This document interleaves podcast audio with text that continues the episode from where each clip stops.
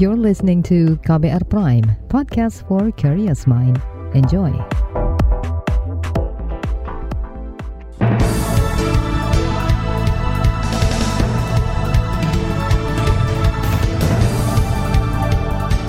Selamat pagi saudara, senang sekali kami bisa menjumpai Anda kembali melalui program Buletin Pagi edisi Selasa 20 September 2022. Bersama saya, Naomi Liandra. Sejumlah informasi pilihan telah kami siapkan, di antaranya, pemerintah berencana naikkan tarif angkutan penyeberangan. Jokowi perintahkan Menteri Pertanian tingkatkan produksi kedelai dalam negeri. Gubernur Papua Lukas NMB diminta penuhi panggilan penyidik KPK. Dan inilah Buletin Pagi selengkapnya. Terbaru di Buletin Pagi. Kementerian Perhubungan berencana menetapkan tarif baru untuk angkutan penyeberangan pasca kenaikan harga BBM subsidi. Rencana penerapan tarif baru itu tertuang dalam keputusan Menteri Perhubungan tentang penyesuaian tarif angkutan penyeberangan dengan besaran rata-rata 11,79 persen. Penerapan tarif baru angkutan penyeberangan itu rencananya mulai diberlakukan Senin dini hari kemarin. Meski begitu, juru bicara Kementerian Perhubungan Adita Irawati dalam pesan singkatnya kepada KBR mengatakan lembaganya masih melakukan finalisasi aturan penaikan tarif angkutan tersebut. Adita juga memastikan tak ada pihak yang dirugikan dari besaran kenaikan tarif yang diputuskan pemerintah. Sebelumnya, Direktur Jenderal Perhubungan Darat di Kementerian Perhubungan, Hendro Sugianto, mengklaim penghitungan untuk menetapkan tarif baru angkutan penyeberangan ini melibatkan stakeholder terkait. Untuk angkutan penyeberangan eh, ada penyesuaian dan sekarang masih dalam tahap eh, penghitungan bersama dengan eh, operator-operator kapal. Itu tadi Dirjen Perhubungan Darat Kementerian Perhubungan Hendro Sugiatno.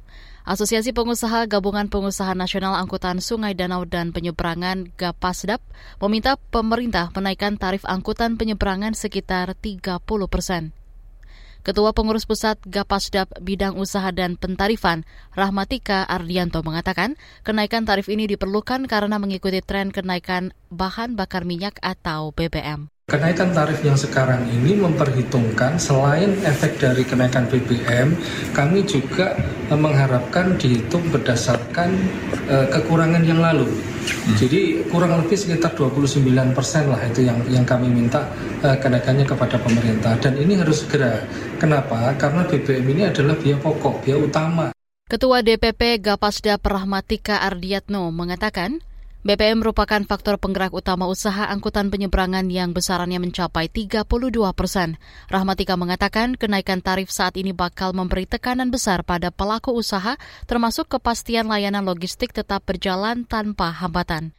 Komisi DPR Bidang Perhubungan meminta pemerintah mengendalikan tarif angkutan umum baik udara, darat, laut, dan kereta api pasca naiknya harga BBM subsidi. Anggota Komisi Perhubungan DPR Novita Wijayanti mengatakan Kementerian Perhubungan mesti menetapkan batas atas kenaikan tarif angkutan umum agar tak ada yang dirugikan. Melalui pesan singkatnya kepada KBR, Novita juga meminta penghitungan tarif melibatkan dua sisi, yaitu konsumen dan operator. Politisi dari Partai Gerindra ini mengakui kenaikan harga BBM subsidi menciptakan dilema di sektor transportasi umum. Kenaikan BBM membuat masyarakat menengah ke bawah semakin berat bebannya karena kondisi perekonomian belum normal akibat pandemi COVID-19. Sementara di sisi pengusaha transportasi, kenaikan harga BBM juga menambah biaya operasional. Yayasan Lembaga Konsumen Indonesia YLKI meminta Kementerian Perhubungan mengkaji lagi rencana menaikkan tarif transportasi termasuk angkutan penyeberangan. Sekretaris Pengurus Harian Yayasan Lembaga Konsumen Indonesia YLKI, Agus Siatno, meminta pemerintah memerhatikan salah satu kajian yaitu keadilan bagi pengguna jasa atau konsumen. YLKI meminta pemerintah menjelaskan dasar kenaikan tarif penyeberangan sehingga publik bisa menilai kelayakannya harusnya ini dari Kementerian Perhubungan yang menyampaikan apakah angka ini sudah melalui kajian ability dan willingness to pay. Jadi ketika bicara tentang tarif dari sisi konsumen itu kan ada dua hal. Bagaimana konsumen mampu membayar dan bagaimana konsumen mau membayar. Kalau mampu membayar itu berarti kan berkaitan dengan ekonomi, berkaitan dengan daya beli. Sementara kalau kemauan membayar itu kan terkait dengan level of service, jadi standar pelayanan seperti apa. Sekretaris Pengurus Harian YLKI Agus Yatno mengatakan aspek kemampuan dan kemauan konsumen dalam membayar sangat berpengaruh pada penerimaan konsumen terhadap suatu kebijakan, termasuk kenaikan tarif transportasi. YLKI juga merekomendasikan pemerintah memberikan dana PSO atau Public Service Obligation kepada operator atau pelaku usaha angkutan penyeberangan agar beban tarif tidak seluruhnya dibebankan ke konsumen. Saudara, sidang banding Verdi Sambo tolak, ditolak. Informasinya akan hadir sesaat lagi. Tetaplah di Buletin Pagi KBR. You're listening to KBR Pride, podcast for curious mind. Enjoy!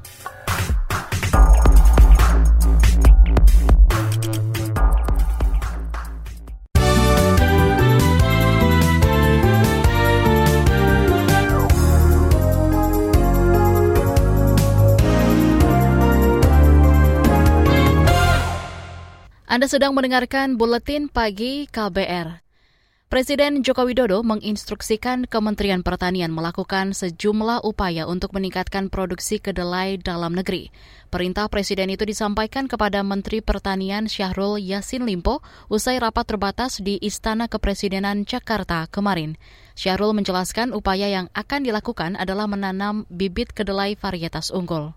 Dari varietas yang baik, menggunakan GMO kalau perlu, menggunakan bibit impor kalau perlu dan tentu mempersiapkan uh, bibit-bibit nasional atau lokal dengan varietas tinggi. Artinya selama ini kedelai misalnya hanya satu setengah ton per hektar sampai dua ton, diharapkan kita bisa dapatkan varietas yang mampu di atas 3 sampai 4 ton per hektar. Menteri Pertanian Syahrul Yasin Limpo berharap upaya itu dapat meningkatkan produksi kedelai di tanah air hingga 4 ton per hektar. Ia menyebut rendahnya produksi kedelai membuat petani beralih ke komoditas jagung dan berdampak pada tingginya impor kedelai untuk memenuhi kebutuhan nasional. Beralih ke informasi hukum, Majelis Sidang Banding Polri memutuskan menolak permohonan banding terkait putusan pemberhentian tidak dengan hormat atau pemecatan Verdi Sambo. Jenderal Polisi Bintang 2 Verdi Sambo itu sebelumnya dipecat karena mendalangi pembunuhan Brigadir Nofriansyah Yosua Huta Barat atau Brigadir J, serta melakukan upaya penghalang-halangan proses penyidikan. Juri bicara Polri Dedi Prasetyo juga menyebut perbuatan sidang banding tersebut dipimpin Inspektur Pengawasan Umum Polri Jenderal Bintang 3 Agung Budi Marioto. Keputusannya adalah kolektif kolegial dari seluruh hakim banding sepakat untuk menolak memori banding yang oleh Dirjen PS. Juri bicara Polri Dedi Prasetyo menegaskan keputusan sidang banding bersifat final dan mengikat. Dengan demikian tidak ada lagi upaya hukum yang bisa diajukan bekas Kadif Propam Polri itu. Putusan banding ini juga menguatkan putusan sidang Komisi Etik Polri pada 26 Agustus lalu. Terdakwa bos PT Duta Palma Group Surya Darmadi alias Apeng mengklaim ia hanya menjadi korban dari proses penegakan hukum. Kasus Surya Darmadi ini diduga merugikan negara sekitar 104 triliun rupiah. Kuasa hukum Surya Darmadi, Junifer Girsang, mengatakan dakwaan jaksa penuntut umum terhadap kliennya terkesan terburu-buru dan prematur. Dakwaan kepada klien kami ini sebetulnya tidak ada dasarnya karena apa? Yang pertama dikatakan menguasai kawasan hutan di lima perusahaan, dua sudah memiliki HGU. Yang kedua bahwa tiga perusahaan tersebut saat ini sedang diproses izinnya sudah sampai ke tingkat ketujuh barulah kemudian terbit HGI. Itu tadi kuasa hukum Surya Darmadi, Junifer Girsang. Surya Darmadi meminta majelis hakim memerintahkan kejaksaan membuka blokir rekening perusahaannya. Rekening itu diperlukan karena ia harus membayar gaji 20 ribu karyawannya, sementara saat ini semua pabriknya berhenti beroperasi. Atas permohonan itu, Hakim Ketua Fahzal Hendri menyebut pemblokiran menjadi upaya paksa penyitaan aset di kasus PT Duta Palma di Kabupaten Indragiri Hulu. Beralih ke informasi lain, Badan Nasional Penanggulangan Bencana BNPB mencatat lebih dari 40 bencana terjadi di Indonesia dalam sepekan terakhir. Juri bicara BNPB Abdul Muhari mengatakan seluruh bencana yang terjadi adalah bencana hidrometeorologi, baik kering maupun basah. fase-fase musim tradisional ini, fase-fase musim yang kita kenal dulu sejak kita kecil ini sekarang sudah bergeser mungkin nggak nggak karuan ya. Kadang-kadang kita punya uh, musim hujan di periode Juni, Juli, Agustus, banjir banjir bandang tanah longsor sangat banyak di periode itu dan hal-hal lain yang kemudian membuat kita harus memberikan effort yang lebih besar ketika kita mau mengurangi dampaknya. Juri bicara BNPB Abdul Muhari menjelaskan bencana dalam sepekan terakhir terbanyak berupa banjir disusul kebakaran hutan dan lahan, puting beliung, tanah longsor, dan kekeringan. Bencana banjir, kata Muhari, merendam 8 ribuan rumah dan menyebabkan 36 ribuan jiwa terdampak dan mengungsi. Kita beralih ke berita mancanegara. Pemakaman jenazah Ratu Elizabeth II bekas Ratu Kerajaan Inggris pada Senin kemarin diperkirakan dihadiri ribuan orang termasuk 500 pemimpin dunia. Sejumlah pelayat melemparkan bunga saat mobil yang membawa jenazah Ratu Elizabeth melewati jalan-jalan di pusat kota London menuju Castle Windsor, tempat peristirahatan terakhir pemimpin monarki Inggris itu. Dikutip dari CNN, jalanan yang menjadi rute kepergian ratu itu ditutup selama prosesi berlangsung. Dalam prosesi ini, keluarga kerajaan Inggris menggunakan pakaian hitam mengiringi kepergian ratu. Bergeser ke Taiwan, Negara ini mengalami lebih dari 70 kali gempa susulan setelah gempa bermagnitudo 6,8 mengguncang negara itu pada minggu lalu. Dikutip dari Anadolu, otoritas Taiwan memperingatkan warganya terkait potensi gempa susulan dalam beberapa hari ke depan. Saat ini satu orang meninggal dan 140-an lainnya terluka karena gempa. Selain itu sekitar 500 orang di daerah pegunungan Taiwan terlantar karena tanah longsor yang menghalangi jalur evakuasi. Beralih ke berita olahraga. Tim sepak bola Indonesia akan melakoni pertandingan paling berbobot di antara tim ASEAN lainnya dalam kalender internasional FIFA Matchday periode September 2022 sepekan ke depan. Dalam rentang waktu itu, rata-rata tim ASEAN menggelar dua pertandingan persahabatan. Dari 11 negara ASEAN, Indonesia menjadi tim dengan jadwal uji coba paling berat. Tim asuhan Sinteyong ini akan menjalani dua pertandingan melawan tim dari negara Kepulauan Kurakau pada 24 dan 27 September. Kurakau saat ini menempati peringkat 84 dunia versi FIFA, sedangkan Indonesia terpaut jauh di bawahnya, yaitu peringkat 155 atau selisih 71 peringkat. Laga persahabatan ini merupakan kalender internasional terakhir sebelum Piala Dunia 2022 di Qatar atau agenda terakhir sebelum Piala AFF 2022.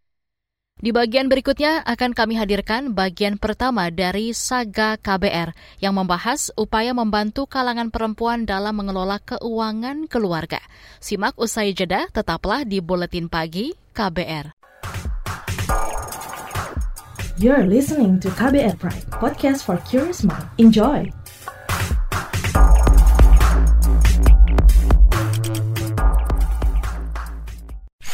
Commercial break. Commercial break. Sepasang kekasih yang terpaut usia hingga 61 tahun di Subang. Ini bukan hal baru. Jawa Tengah, angka pernikahan dini juga. Kawin anak terus terjadi, sering kali menjadi viral, bahkan jadi bahan guyonan dalam kemasan berita yang sensasional. Seorang gadis berusia 18 tahun. Seolah ini bukan masalah. Tapi, bagaimana rasanya kawin ketika masih di usia anak? Sih perasaan saya tuh sebenarnya hancur waktu itu. Hancur bisa naik sekolah Ya, pengen banget sekolah lihat orang. Saya ajak kamu mendengar langsung suara mereka yang dikawinkan di usia anak. Ibu sama bapak tetap paksa untuk menikah. Saya tidak bisa memenuhi impian bapak ibu. Saya Malika. Ini adalah Disclose, serial podcast investigasi dari KBR. Yang penting saya mau ningkain cita-cita Disclose, dipaksa kawin. Bisa disimak di KBR Prime, Spotify, dan aplikasi mendengarkan podcast lainnya.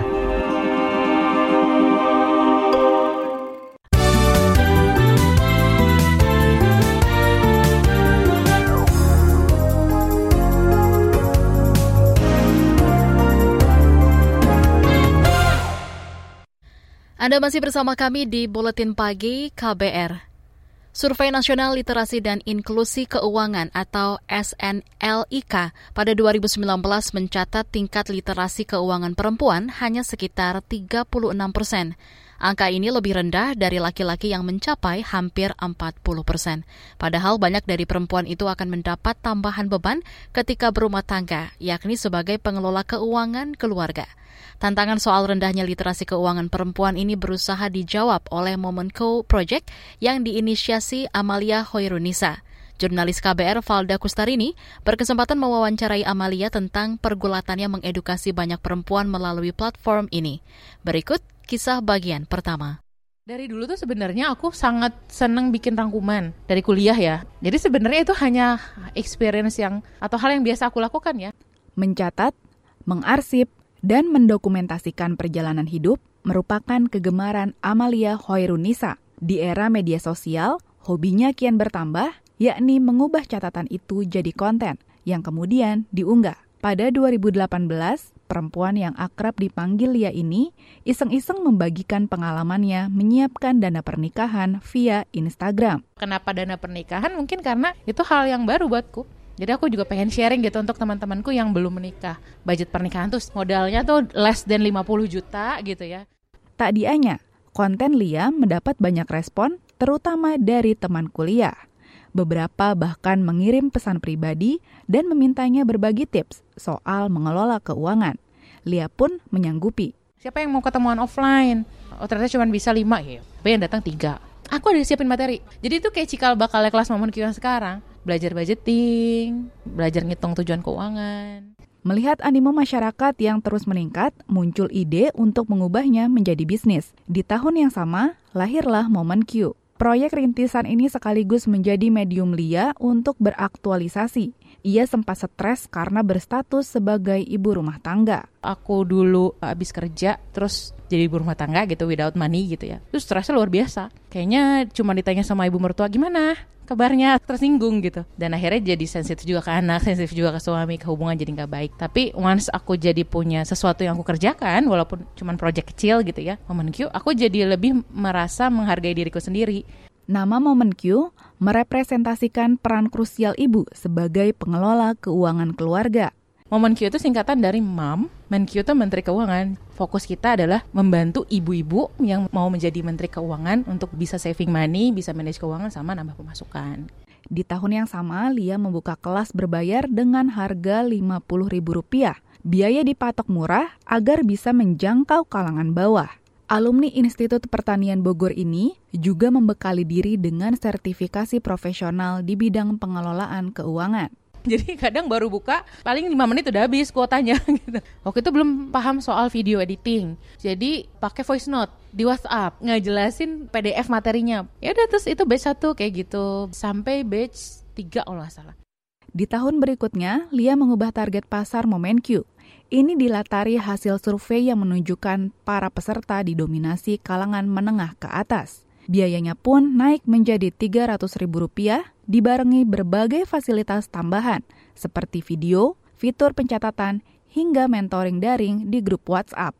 Kalau kita bagi jadi paling tidak tiga kategori. Jadi ada yang kelas benar-benar untuk ibu yang kebanyakan itu nggak bekerja gitu. Ibu rumah tangga dapat uang dari suami dan dia struggling sekali untuk bisa mengatur keuangan yang diberikan sama suami. Itu kelas pertama. Kelas kedua adalah dia punya income sendiri atau dia nggak punya income sendiri tapi dari suaminya tuh lebih. Nah di momen Q kebanyakan ibu bekerja. Jadi mereka punya income sendiri dan mereka struggling untuk ngatur dengan suaminya. Makanya pendekatan kita di momen Q itu kita belajar budgeting dan tujuan keuangan yang udah lebih banyak.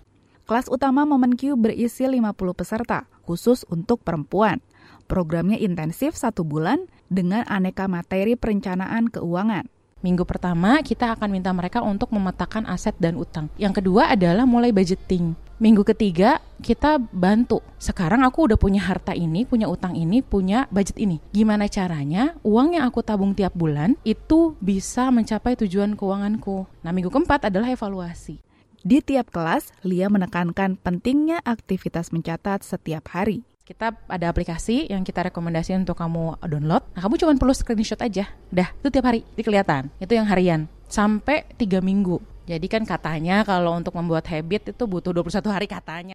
Selain materi dasar perencanaan keuangan, Lia juga membuka kelas tematik, misalnya tentang investasi. Kalau kelas tematik itu berarti dapatnya video, worksheet, sama grup buat bertanya. Kalau yang tematik itu siapa pun bisa. Hingga 2022 sudah ada 2000-an alumni kelas Momenq. Namun, Lia enggan berpuas diri. Perempuan asal Bogor ini punya cita-cita yang lebih besar pengennya sih bisa lebih banyak target 10 ribu sampai 100 ribu lah perempuan bisa financial independent ya dalam hal ini mereka bukan cuma bisa ngelola uang tapi juga bisa nambah uang even mereka memutuskan untuk jadi ibu rumah tangga full Tantangan apa yang dihadapi Lia selama mengembangkan Momen Q dan bagaimana cara bertahan?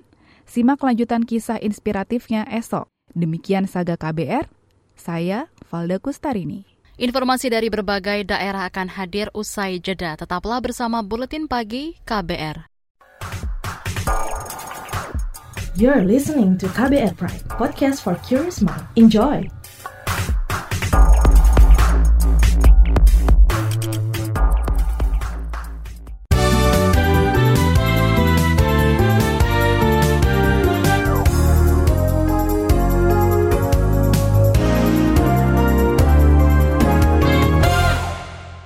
Inilah bagian akhir buletin KBR.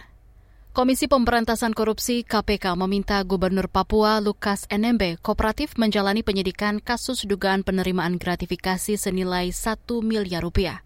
Wakil Ketua KPK Alexander Marwata mengatakan Lukas telah dipanggil awal pekan lalu, namun saat itu Lukas hanya mengutus kuasa hukumnya untuk menghadiri panggilan KPK dengan alasan sakit bahwa dalam proses penyelidikan baru satu miliar itu yang bisa kami lakukan klarifikasi terhadap saksi maupun dokumen.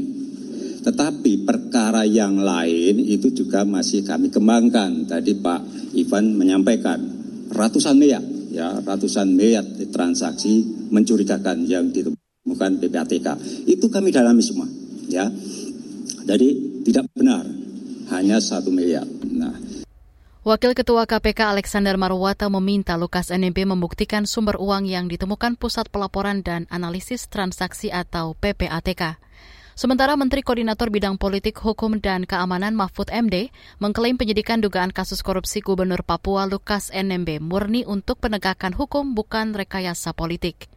Mahfud mengatakan ada ketidakwajaran penyimpangan pengelolaan uang yang jumlahnya diduga mencapai ratusan miliar.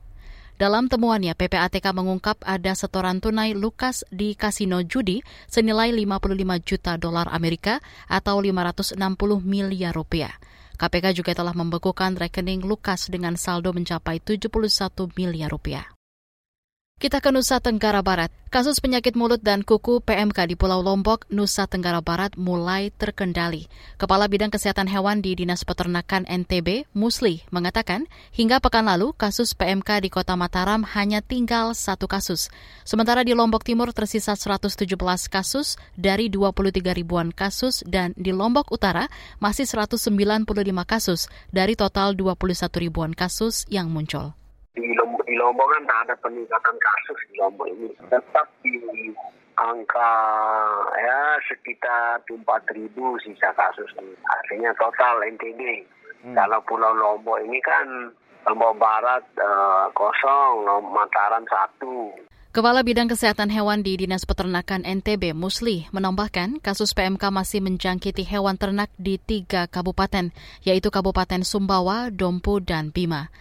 Data hingga pekan lalu jumlah ternak yang masih terjangkit PMK sebanyak 4.400 ekor, ternak sembuh 96.000 ekor lebih, dan yang telah dipotong bersyarat mencapai 250 ekor dan ternak mati 230-an ekor. Pemerintah Provinsi Yogyakarta mengklaim tren penularan COVID-19 di provinsi itu menurun dan terkendali. Menurut Sekretaris Daerah Provinsi Yogyakarta, Kadar Manta Baskara Aji, penambahan kasus harian yang dilaporkan rata-rata hanya berkisar 20 hingga 30 kasus per harinya sepekan terakhir. Sekda DIY Manta Baskara Aji menambahkan, penularan kasus yang rendah dan pasien dengan gejala ringan atau bahkan tanpa gejala membuat tingkat fasilitas COVID-19 menurun. Bahkan kekebalan masyarakat terhadap virus juga mulai terbentuk. Pemerintah terus meminta masyarakat tetap menjaga protokol kesehatan sampai WHO mencabut status pandemi COVID-19. Informasi tadi menutup jumpa kita di Buletin Pagi hari ini. Pantau juga informasi terbaru melalui kabar baru, situs kbr.id, Twitter kami di akun @beritaKBR, serta podcast di alamat kbrprime.id. Akhirnya saya, Naomi Liandra bersama tim yang bertugas undur diri. Salam.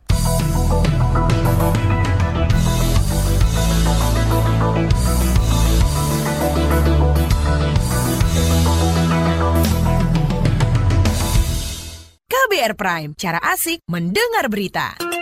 KBR Prime, podcast for curious mind.